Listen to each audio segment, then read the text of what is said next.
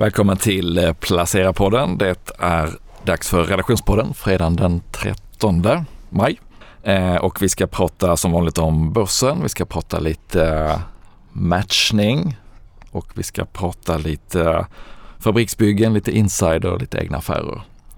Och ja, en riktigt skakig börs igen den här veckan och en hel del bolag som har tagit riktigt mycket stryk både på, i USA och i Stockholm. Och med mig har jag på vänster sida Ludvig Rönngård och på höger sida Karl Hans. Härligt. Vad säger ni eh, den här listan på bolag över som har gått ner mycket? Den är både lite både lång och skrämmande eller? Ja, alltså jag kikade på det, de bolagen som har gått sämst i år och eh, det är ju ganska slående att eh, det är många bolag som är väldigt, som finns i väldigt många portföljer som har gått ner väldigt mycket. Mm. Så att det är ju egentligen pandemivinnarna, många pandemivinnare som har handlats ner något enormt.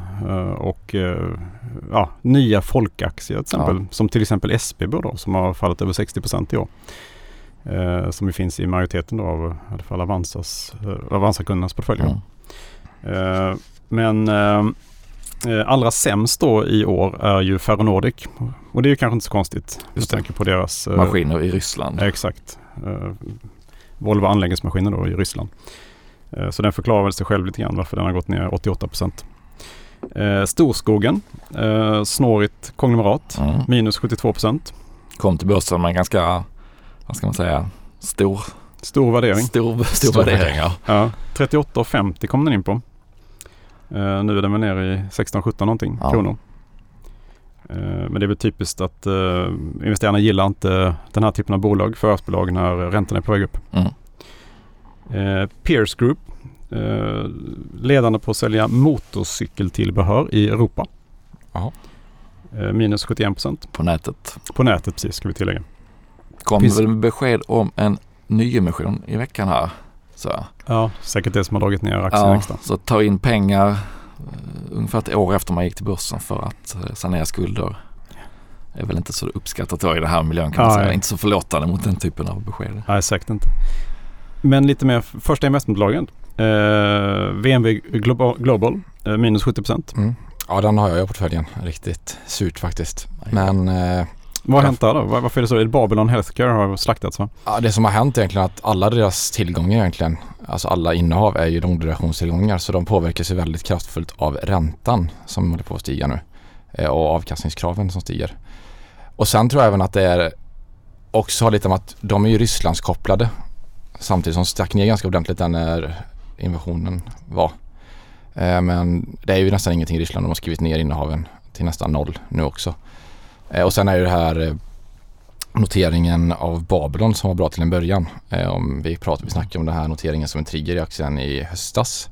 Och det, de gick till börsen via någon SPAC eller hur var det? Exakt, en SPAC var det. Eh, och det blev ju ganska lyckad till en början. Eh, men sen eh, faller den ganska ordentligt för det var väldigt kass likviditet i aktien. Och sen nu kanske för två veckor sedan så var det den här lockup-perioden som gick ut då och då kom det en jäkla försäljningstryck neråt då. Mm. Och det är på Londonbörsen va? Nej, USA. Är det USA? USA är det. Okay. Uh, och då stack den ner 50% och sen har det väl inte varit så jäkla bra för tech alls ja. det senaste. Men värderingen nu på Babylon är liksom 0,75 på EV sales. Men de gör ingen vinst? Vad sa du? Vinst kan man vänta länge på eller? Ja, det är ju som sagt vinsten är långt bort så det är väl Mm. Ja, det är väl inte så populärt i dagens klimat. Nej, det verkar Hela inte vara det. VMV liksom. Eh, så vi får väl se vad som händer där. Mm. Värderas till under 4 miljarder nu mm. eh, i alla fall. Både. Ja, på 12 miljarder ett tag där i höstas. Ja. Så det har verkligen varit eh, katastrofal utveckling. Ja. Eh, så egentligen är det väl bara Hemnet egentligen som går med vinst i VMV. Ja, just det. Eh, men den håller de på att avyttra hela tiden. Så för att få in kassaflöde då. Jag förstår. Nästa förloraren i år är Biko Group. Minus 68 procent. Uh, var det lite drama dramatik där på någon stämma där uh, finanschefen avgick. Off offentligt kritiserade ledningen. Uh, brukar inte vara ett gott tecken. Det brukar inte vara ett bra tecken nej. Krasst konstatera. Och de har väl börjat uh, säga upp folk också mm. var det en uppgift om. Uh, så att det är heller inget bra tecken. Uh, en riktig coronavinnare som har tagit rejält med stryk är ju Sinch. Minus 66 procent. Där har ju marknaden verkligen uh, gått in med, med slaktarkniven får mm. man säga. Eh, Också en aktie som många har ägt och ja, gillat. Och som ju har haft en fantastisk resa innan ja. innan nedgången ska man ju komma ihåg. Men nu är den väl tillbaka då där pandemin startade i princip. Ja, det är det nog. Eh, C-Tech, batteriföretag, minus 62. Ja, den gick ju också väldigt starkt där i början. Det väl Alto som noterade dem va? I Det är ju. Latour som gick in som ankarinvesterare i alla fall. Mm. Eh, och de fick väl med facit i hand lite, kanske lite för hög värdering på sin eh, elbilsladdarben då som är en ganska, fortfarande en liten del av verksamheten. Det, är- det är fortfarande gamla hederliga eh, vanliga billaddare som är stora delen. Så att nu börjar väl verkligheten lite eh, komma upp till ytan då att det kanske inte var fullt så, att de inte borde ha den värderingen som de hade när de precis gick in. Eh, det var ett tag sedan nu men jag tittade på den här sektorn och landade väl i att Garo är de som, som jag tyckte var mest intressanta och det, det kvarstår väl det omdömet efter den här veckan där för Garo har också kommit med rapporter som, som har mycket högre exponering mot elbilar. Mm. Readly nästa. Den hade väl redan, den är 61%. Den hade väl redan fallit eh, extremt mycket innan årsskiftet också. Eh, om jag inte minns fel så kom den ju in på 60 kronor någonting men nu handlas den ju liksom under 10 någonstans. Mm. Mm. Eh, det är väl en eh, intressant, egentligen intressant affärsidé men eh, eh, svår att profitera på gissar jag. Men här verkar investerarna då totalt ha slängt in handduken. Mm. Eh, och det är väl typ en sån aktie som eh, eh, jag vet att till exempel, vi pratade om det att Tin Fonder till exempel har ju ägt den då. Jag vet inte om de fortfarande äger den. Men, men just det här var vilka aktier man kanske sorterar ut då. Mm. Man kanske tar ut när det är så, så lite kvar så att säga. Då, jag såg att de hade gått ner från 75 innehav till 60 innehav. Eh, att det kanske är en sån som ryker i det, ett sånt läge och då kan det hända att det är just i de lägena som aktiekursen kan falla ännu, ännu kraftigare. Så att säga. Eh, men lite mer förvånad, eller förvånad vet jag inte, men Vitrolife är ju ändå ner 60 i år. Eh, det visar väl på att värderingen var extremt hög. Ett Det tag gick väl otroligt bra förra året. Ja. Det var väl helt galet liksom. Ja. Eh, och ja, det är väl Bures största innehav va? Så att den har dragit ner Den Bure också. Mycronic är ju största i bur. Sen har ju SBB tagit väldigt mycket stryk också. Den nya folkaktien. Mm. Blankare attacker och eh, stigande räntor. Eh, och lite ifrågasatta uh, interna affärer och sådär. Uh, har väl sänkt aktien. Eh, ja, det är tio topplistan då över de av årets sämsta aktier hittills. Men det är ju slående då att det är väldigt många alltså, vad ska man säga, fina bolag som eh, är ner väldigt mycket i år. Mm. Medan Kinnevik är ner 50 procent.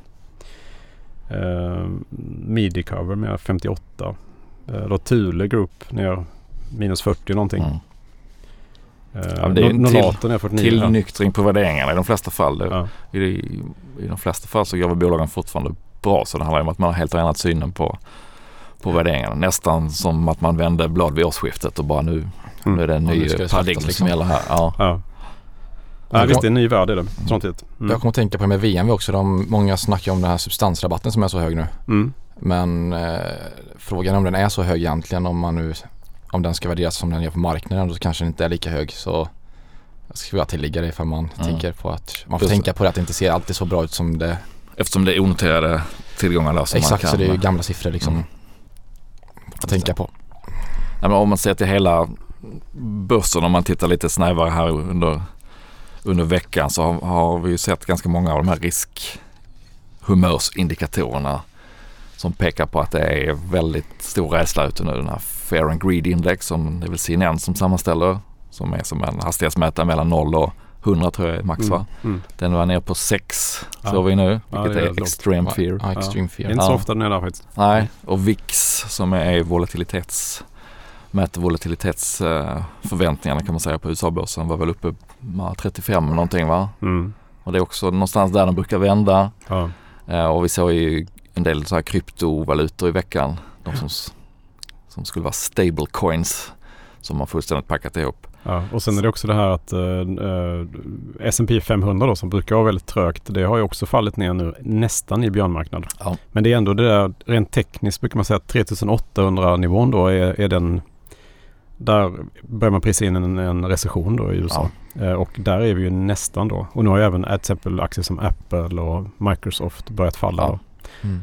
Ja, men för, så frågan är väl, är vi på någon slags peak fair kortsiktigt nu i alla fall? Vad, vad tror ni? Är det dags för en studs? Jag tror att det är dags för en studs. Ja. Absolut. Det- Jag tror att det här... eh, Alltså nu, nu borde har marknaden prisat in i alla fall att uh, räntorna stiger. Eh, sen är frågan om det blir en recession då. Då kanske vi ska ner ytterligare då. Mm. Men, Exakt, jag, jag håller helt med. Jag tror Ja. det är det som händer nu. Mm. Att inflationsoron börjar lätta. Ja, Nu är det oron för att vi kommer få en hård landning när riksbankerna, centralbankerna ska försöka ja. parera det här. Men det kan ju bli så helt enkelt att eh, inflationen eh, drar ju ner eh, tillväxten vilket gör att eh, och sen faller inflationen också för det är mycket tillfälliga effekter och det gör ju att uh, centralbanken inte behöver höja räntorna så mycket. Mm. Och då kommer börserna att, att sticka upp igen. Mm. Ja, men, och då har man väl sett, nu skulle vi haft Pekka som kunde förklara det i detalj, men trots höga inflationssiffror så har ju långräntan i USA inte fortsatt upp nu då, utan Mm. trillat ner. Den var väl över tre när vi pratade förra fredagen och nu är den en bit ner. Så att man börjar väl eh, Tro på en sämre framtid. ja, men acceptera att nu är kanske långräntan där den ska vara. Ja. Vi har ju, eh, vi har ju världens eh, främsta eh, market timer också, David Tepper. Han eh, hade ju eh, tagit bort sin blankning på långräntan nu. Och även blankningen då på Nasdaq. Mm. Och han, han är ju ja, känd för att vara den bästa Timern. marknadstimern. Mm. Liksom. Så det blir kanske lite lättnad för de som har eh, obligationsfonder i sitt pensionsspar sådär som ju inte mår så bra när räntan går Nej. upp men som kanske kan må lite bättre framåt. Mm. Men eh, jag tittade i veckan på hur det ser ut med insynsköpen på svenska börsen. Ja, de är väl aktiva nu eller? Ja, de är väldigt aktiva och det är ju dels är det ju för att kvartalsrapporten har kommit och då kan man som insynsregistrerad får man köpa igen. Eh, Men det var, det var lite mer övervikt på köptransaktioner jämfört med sälj än vad det har varit eh, om man tittar ett år tillbaka. Det brukar ju alltid vara fler som köper än säljer eftersom det, det är så det funkar. Men eh, nu låg det ungefär på 90% av, av affärerna som hade varit insiderköp då sista månaden. Eh, och bland de som köper mycket så i mycket pengar så är det såklart de som har mycket pengar. Då. Så att det är Wallenbergarna, Wallenbergstiftelsen FAM hade köpt i SKF för en Mm. rejäl summa. Mm. Eh, Fredrik Lundberg som ju är långsiktig och fortsätter att tugga i sig sina Mm. innehav och hans döttrar har gjort en del stora köp i Industrivärden och Skanska och, och några till. Men även väldigt många vd. Så Mm. Ilja Mm. Batjan till exempel i, eh, SBB. Inte Stefan Persson. H&M brukar alltid handla också. Nej, inte vad jag har sett faktiskt. Han, han gjorde det tidigare. Nu var det här bara mätt på senaste månaden och Okej. de rapporterade tidigare. Så att jag Mm. tror att han, Mm. om jag inte minns fel, så gjorde han ett stort köp eh, Mm. eh, tidigare. Säkert. Men eh, Rutger Arnhult på Castellum, andra stora Getinges VD Mattias Perjus har köpt Peab, Alfa Laval, Troax, Lifco, Skanska, Nordea och Dometic. Alla de här vdarna har köpt för minst en miljon Mm. i, eh, i sina bolag. Eh, Så frågan är ju egentligen, ska, hur stora växlar ska man dra på det här? Jag tänker att det, det är positivt att de köper men det speglar kanske mer att de här har kommit med rapporter som visar att det är bra och att de är nöjda med hur det ser ut just nu. Men de här vdarna vet väl ungefär lika mycket som alla oss andra hur det ser ut om ett halvår eller nio månader. Så att man ska nog inte dra för stora växlar på insiderköp. Även om det är bättre att de köper än att de säljer såklart. Mm. Ja, alltså det, är väl, det är väl lätt positivt i alla fall. Ja, ser det är ju det. Ja det är väl. Mm. Lätt positivt men man ska inte utgå från att de har en kristallkula vad det gäller Nej. hela marknaden som inte vi andra Nej. har. I så fall ska det vara sådana extremt stora insider. Alltså att de verkligen tar risk, jätterisk liksom. Ja, Då, då kan man ju tolka det som mer positivt. och det säger väl någonting om att de åtminstone inte har sett att det är tvärnitt fram till, till när de gör köpen i, idag. Men eh, Ludde, jag vet att du har kollat på eh, Match som Yes. är Eller, Tinder-ägaren eller? Ja, datingkonglomerat skulle man nog kunna säga. Du, du har kollat på den tidigare också väl? Ja, jag kollar Var på det inte så Summer of Love redan förra året? Jo, jag kommer, komma, jag kommer komma till den nya Summer of Love nu. Alltså vad är det? Jag ska snacka om, nu ska jag snacka om Match Group. Ja, Eh, part two. så vi kan börja med att snacka lite om vad de sysslar med liksom. Eh, och det är ju att de, de har datingsidor online då. Som till exempel Tinder, Plenty of Fish eller Hinge. Så det är olika slags målgrupper de riktar sig till. Plenty of fish. Ja. Okej, vilken Är det är så det? fiskar eller? Ja, det är, Fiskeintresserade jag vet inte vad riktigt var det men det är i alla fall någon slags, jag tror det är för lite äldre personer. Ja.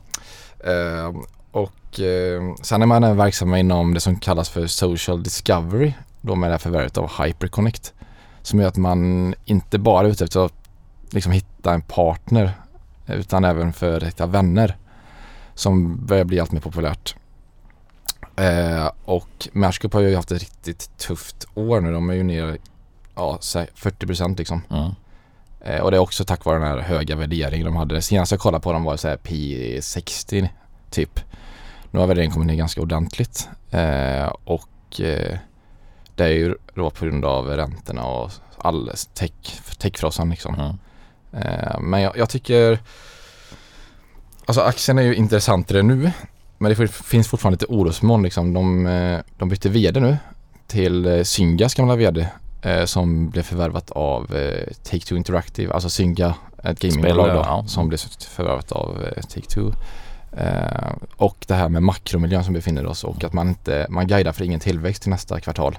Vilket också är lite oroande. Då kanske man inte ska ha så här hög värdering. Det Sen- borde vara ganska ocykliskt tycker jag. Det, Ja, man dejtar ju oavsett konjunktur Ja, liksom. Eh, så det är inte så cykliskt kanske. Eh, men det är mer värderingsskäl tror jag. Eh, men, men betalningsmodellen, är det att man, eller affärsmodellen, är det att man har en prenumeration då för att kunna ja, precis. Det finns swipa. ju delvis annonsbaserade då intäkter att man Ja, det kommer upp det är gratis då till exempel på Tinder och så kan du få kan du använda Tinder gratis så får du en Mm. ja, ett antal swipes då du swipar på personer liksom. Eh, så du kan gilla dem eller ogilla dem. Ja. Eh, och sen matchar man och då får man kontakt liksom. Eller så kan du betala för till exempel eh, Tinder Gold då som det heter. Att man, eh, Gold member. ja exakt. Eller Platinum tror jag också det finns nu. Jag är lite osäker. Men så man får obegränsat med sådana här swipes då. Så det finns på två sätt då. Eh, Men får man, är det samma, vad ska man säga, är det samma, samma sjö som man fiskar eller om man, om man betalar mer kan man liksom fiska i den lite finare sjön då? Mm, nej det tror jag inte. Jag tror det är samma bara att du får obegränsat liksom. Mm. Mm. Så det är ju det, folk i närheten då liksom. Du får ju en radie eller man ska säga runt dig. Eh, Så det är väl så den funkar och sen är det lite oroande det här med Google ska införa så här att man ja, app, när man betalar i apparna liksom så ska man ta större del av avgiften. Med, eller man, de, de snackar om att man skulle sänka den här avgiften. Eh, men nu ska Google gå runt detta på något sätt och genom att man måste gå igenom deras betalningslösning. Eh, vilket Match är ganska oroad över som kommer att påverka deras Ja, det skulle stjäla lite lönsamhet från dem. Ja, alltså de här, det är liksom en ganska stor del av deras kostnadsbas är ju de här avgifterna. Eh, så om de ska sänka de här avgifterna, vilket skulle kunna vara en trigger då. Där man snackar ju om att Mm. Apple ska sänka sina avgifter som ligger på 30 till 15 procent. Då skulle bruttomarginalen kunna hoppa upp väldigt mycket. Så det är väl lite en trigger i så fall om det skulle hända. Men å andra sidan är det här med Google då som är lite oroande. Om man är långsiktig tror jag att aktien kan vara köpvärd här men kortsiktigt känns det lite grumligt. Summa summarum. Och sen är det väl också det här med nätverkseffekterna jag gillar med Match Group att du, du är där det finns mest folk liksom. Mm. Och de är dominanta på den. De är dominanta där. Mm. Speciellt Tinder då. Och sen har, Äger du själv aktien? yes det gör jag. Mm, det gör jag också. Ja, så det har inte varit men jag har tagit de där 40 procenten. Ja, ja, jag kom in lite, jag har varit ganska lång i den aktien. Du har gjort en nedskrivning i portföljen. Ja men det är framförallt den här eh, nätverkseffekten som är intressant tycker jag. Att det inte ens liksom Metas eller Facebook då. Mm. De försökte göra en utmanare. De lyckades inte ens rubba liksom match. Men är de, är de lönsamma eller är det Ja, lönsamma. Ja, mm. Höga rörelsemarginaler. 30% ungefär. Eh, Så ja. Intressant Spännande. bolag. Mm, det är verkligen intressant. Särskilt nu när de har kommit ner så mycket. Och jag skulle ju nämna det med Summer of Love också. Det blev ju en Summer of Love förra året. Eh, återöppning av samhället gjorde att fler började dejta. Och det kan man även se nu när de håller på att stänga ner i Japan. Så ser man att när de lyfter restriktionerna igen så ser man att eh, dejtandet ökar. Så man gynnas liksom av att, att samhället återöppnas. Mm. Så det är väl också en osäkerhetsfaktor om corona skulle komma tillbaka nu så då är det ju verkligen inte bra. Nej. Men när det öppnar upp så är det ju också en liksom trigger när Mm. vi återöppnar hela samhället. Men du, finns det med Kina överhuvudtaget? Ja, För det, Kina håller på att stänga ner fortfarande och sådär. Ja det är väl eh, Japan också så det är väl det de snackar om i kvartalet här. Mm. Eh, Att Nordkorea stänger också ner. Men det Ja, kanske är en, Men de är inte så stora där inte så kanske. stor marknad Ja, jag vet inte om eh, de är så stora där. Men största delen av intäkterna kommer ifrån... inte så mycket love i Nordkorea. Nej, det kanske inte är. Men största delen av intäkterna kommer från Am- Amerika, liksom Nord och Sydamerika. Ja. Mm. Så där är den viktigaste marknaden. Mm. Jag tittar på en annan öppna upp-vinnare som heter Cloetta som kom med ett, en riktigt sur karamell i veckan. De, Ny eh, fabrik eller? Ja, en ny fabrik i Holland. Eh, och det, det är väl bra att man Ja. bygger nytt. Fram, framtidstro där liksom. Nytt och mer ja precis. Men problemet är att den här fabriken ska då tydligen kosta 2,5 miljarder att bygga. Vilket är rätt så eh, häftigt med tanke på att hela Colettas börsvärde är 7 miljarder. Eh, och det ska då ge en, en förbättring av eh, ebit-resultatet på några års sikt mellan 160 till 180 miljoner. säger de. Så tar man snittet på det då, 170 miljoners resultatökning och ställer mot 2,5 miljarder investering så hamnar man på en avkastning på 7 procent ungefär. Vilket är rätt så risig payoff för ett sånt stort projekt. Så att det, det var lite surt. Aktien gick ner rätt mycket och uh, ja, man undrar ju lite hur är, hur är skicket på de fabrikerna de har som de där ska stänga Mm. för att bygga den här nya om man måste ta den här jätteinvesteringen. Är det Linköping de har sina fabriker? De har i Linköping och sen har de i, eh, i Holland och området där har de flera stycken där, där de ska stänga några stycken så ska den här då ta över Mm. eh, och man ska flytta kapacitet dit. Så att logiken i sig kan man ju förstå men, men summorna var lite anmärkningsvärda. Eh, Så det var lite surt och aktien fick lite stryk på det. det är ju en, ja, men man har ju den här för att den är ett stabilt bolag och en, en bra utdelningsaktie. Och eh, sådana enorma investeringar gör att man blir lite Mm. orolig då. Och vi har ju sett att det händer att det går fel när man gör nya stora fabriker också. Så det, Risken ökar liksom. Risken ökar och det kan bli liksom extra kostnader och förseningar och sådär. Så att, eh, ja, det var negativt. Jag har, jag har kvar aktien men eh, det var ju en, eh, en negativ nyhet. Mm. Det var bara det jag ville passa in. Yes, och jag har ju, det har kommit rapport från min eh, tyska älsklingsaktie som heter Eckert und Ziegler. Som Ja. ni har hört om här tidigare om ni lyssnat på den. Eh, de är ju experter på eh, radioaktiva eh, källor då. Eh, eller världsledande på det. Eh, framförallt används då inom nuklearmedicin för att stråla bort cancer och så. Eh, och eh, aktien har ju fallit faktiskt som en sten. Den har ju fallit i klass med en, eh, en riktig sån här förhoppningstech-aktie nästan. Eh, vilket jag inte riktigt kan förstå. Eh, för att det här är då ett bolag som eh, gör vinst och eh, ökar omsättningen. Eh, och dessutom har en eh, ganska stor kassa. Liksom. Eh, de lämnar rapport här i veckan och eh, omsättningen steg med 13 procent. Eh, sen följer vinsten då och det, borde ju fram, det var ju helt enkelt för att de förra året hade sålt en, en, eh, en liten verksamhet som hade gett vinst. Eh, så att eh, eh, om man bortser från det så eh, var ju vinsten i, i klass med samma som förra året. Så att jag valde faktiskt att öka lite den i veckan här, eller redan igår när rapporten kom då. Den föll 10% ytterligare på rapporten ungefär. Så att mm, eh, då, det för oss in på månadens affärer annars kanske.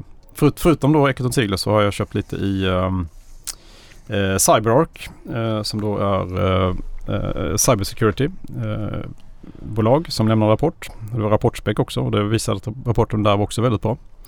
Eh, och den har fallit och mycket innan rapport också så att den steg. Sen har jag ökat lite i, i ytterligare en som aktie som har blivit totalslaktad som är eh, Buy Now Pay Later-bolaget eh, Affirm. Just det. Klarna konkurrent. Klarna-konkurrenten, ja precis. Eh, den har ju då gått från i höstas 173 dollar som högst ner till 14 dollar. Eh, utan att några speciella nyheter har presenterats. Eh, så att eh, jag ökade lite grann inför Mm. rapporten också då. Och det verkar som att rapporten var väldigt bra. Ja, den var upp ganska mycket i förhanden här. Ja, eh, nej, den var upp 50% igår tror jag. Om man tar med efterhanden också. Så att säga. Okej. Mm. Eh, mm. Har ni gjort något eller? Ja, jag ökade i Mercado Libre har jag gjort. Eh, Latinamerikas Amazon. lättförklarligt ja, så är det. ja men precis. Eh, jag tycker den rapporten, jag såg jag nämnde det i förra rapporten också, jag tyckte rapporten var bra. De är ju lönsamma och man kan nog förvänta sig marginalexpansion där. Sen är det väl alltid risky så det är ju inte, det är inte mitt största innehav direkt. Men eh, jag tycker ändå det ser attraktivt här nere eh, i, i den här. För ditt största innehav är väl Investor annars? Ja, absolut. Investor är störst. Mm. säkert tänker jag. Lite Mm. som en fond. jag. Bottenplatta. Som en stabil botten i Ja. portföljen. Ja. Eh, nej men annars har jag inte ökat i någonting. Men Inte sålt något. mm, jo, jag hade ju de här José Maria hade jag innan. Här koppargruvan som skulle komma här. Som blev uppköpta av Lundin Mining och nu fick jag ju cash därifrån för de blev uppköpta. Eh, och lite Lundin Mining-aktier. Så de pengarna ska väl sättas i arbete här någon Mhm. gång. Kanske blir mer match group då? Ja, möjligt faktiskt. Det är inte alls omöjligt. Tycker det, är spännande. Du pratade om Microsoft också. Den har också Ja, ner. Microsoft har ju köpt men jag vet inte om jag har nämnt det. Jo, det har jag väl kanske gjort. Eh, men det, de har kommit ner också en bra bit. Mm. Eh, så de, ja där kanske blir någon påföljning. Det är Mm. intressant och de är ju världens största spelare inom cybersäkerhet vilket man inte kanske Nej, jag Nästan 10% riktigt. av marknaden då. Ja, 8 Mm. tror jag. 8,5 och sånt där. Eh, och den kommer ju, det kommer ju bara fortsätta växa. Och sen får vi se om det här Activision Blizzard-budet går igenom.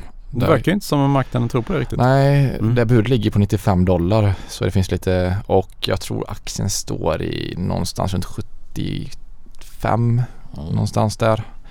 Inte helt säker men där finns det ju någon Warren Buffett är inne och köper där. Ja, just det. Activision Ja, så de tar ett lite Så han special tror att det blir- operations bet på att det, det kommer gå igenom och att man får göra en litet arbitrage på den här mellanskillnaden. arbitrage där. Så han tror ju verkligen på att det kommer gå igenom. Och Microsoft har ju pengar till att betala. Det är väl mer Mm. regulatoriska skäl och inte det skulle gå igenom.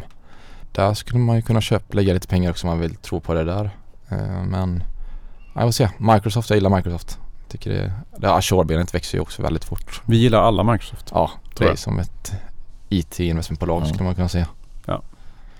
Martin? Durman. Nej, jag tänker här så att jag inte missar något men jag har inte gjort någonting alls i veckan faktiskt. Men eh, ni måste ha njutit av den här Tesla-blankningen eller? Ja, det, den har jag njutit av. Jag med. Tesla-korten som har gått väldigt bra den här veckan till skillnad mot allt annat.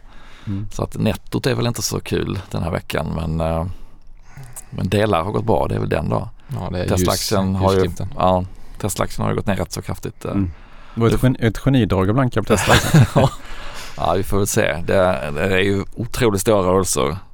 Och eh, om det här budet på Twitter, det är en riskfaktor eller en orosfaktor är ju att han, Elon Musk då, eh, måste belåna sina Tesla-aktier och- det är väl en faktor som gjort att aktien har gått ner.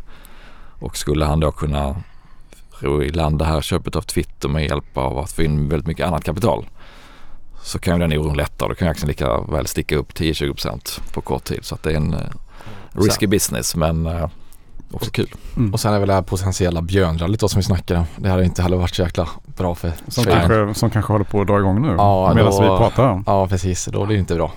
Men just nu ser det ju Mm. bra ut. Vi får säga då Vi att vi, vi får ju, vi, vi sitter ju, vi får inte trade aktier eh, utan vi har ju 30 dagars regeln då. Och det gör ju det kanske inte, Precis, vi får inte sälja. Jag tror jag, det tog kanske... får inte sälja med vinst förrän efter 30 dagar. Nej. Precis. Mm. Så det är väl två, tre veckor kvar innan man får sälja de här Mm. Tesla-aktierna. Det är två långa veckor kanske. Ja, Exakt, kan det bli. man får bara sitta och hoppas. Ja, Ja. Nej, men annars är jag rätt så, eller jag är fullinvesterad och hoppas väl på ett ordentligt studs och björnrally här och sen så kan jag nog tänka mig att dra ner lite risk inför sommaren därför att även om det skulle gå upp nu så, så är det ju långt ifrån att vi har sett effekterna av räntehöjningar och konsumentens reallöneminskningar och annat eh, som kan ställa till det. Så att, eh, jag tror man ska ändå vara lite, lite försiktig med att tro att allting kommer vända till en lite längre uppgångsfas inom kort utan det kan nog komma både rejäla björnrally och eh, nya tester av hur långt ner vi ska gå. Den här riktiga krigsinflationen så är de kommer ju först i sommar någon gång. Ja. Mm. På mat och sådär. Mm. Och boräntehöjningarna har väl egentligen inte riktigt börjat slå igenom än. Säg att det kommer, en, som vissa spekulerar i eller tror nu, att två stycken 50 punkters höjningar från Riksbanken Mm. i sommar och i början på hösten. Då är vi plötsligt upp en procentenhet på boräntorna. Då kommer det börja kännas eh, Mm. rätt så ordentligt till hösten. Samtidigt som då elpris och uppvärmningskostnader börjar ta fart igen efter sommaren. Så Mm. det finns ju lite, eh, lite motvind där i höst som kommer möta konsumenterna som kan slå igenom. Mm. Mm. Men vi får Och se. precis. Man måste dra ner på sparande och sådär. Precis. Ja. Och då blir det mindre pengar till börsen. Och nu kanske man är ute och reser för att man inte har fått göra det på länge och sen så är det liksom en ny verklighet i höst och tittar man igenom vad ska vi lägga pengarna på. Det var intressant. I den här, det var ju faktiskt intressant i den här senaste amerikanska inflationsrapporten var ju att eh, det som drog upp inflationen var ju flyg, pris på flygbiljetter Mm. faktiskt.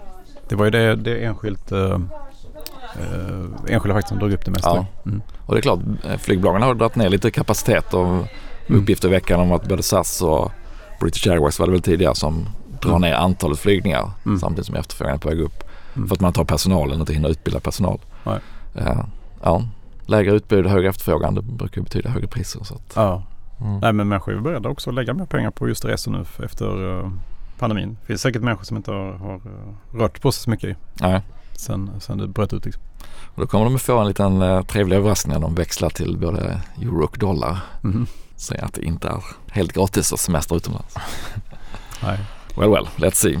Ja. Nej men som sagt för att eh, återgå till affärer så har jag inte gjort någonting. Nej. Nej. Det var där vi började. Tesla-blankningen. Tesla-bankningen ligger och jäser till sig. Mm. Mm. Till sig. Härligt. Mm. Gott, men ska vi eh, önska lyssnarna trevlig helg. Tack för att ni har lyssnat på ytterligare ett avsnitt. Yes. Ha det bra. Ha det bra. Ha det bra. Hej. Trevlig helg.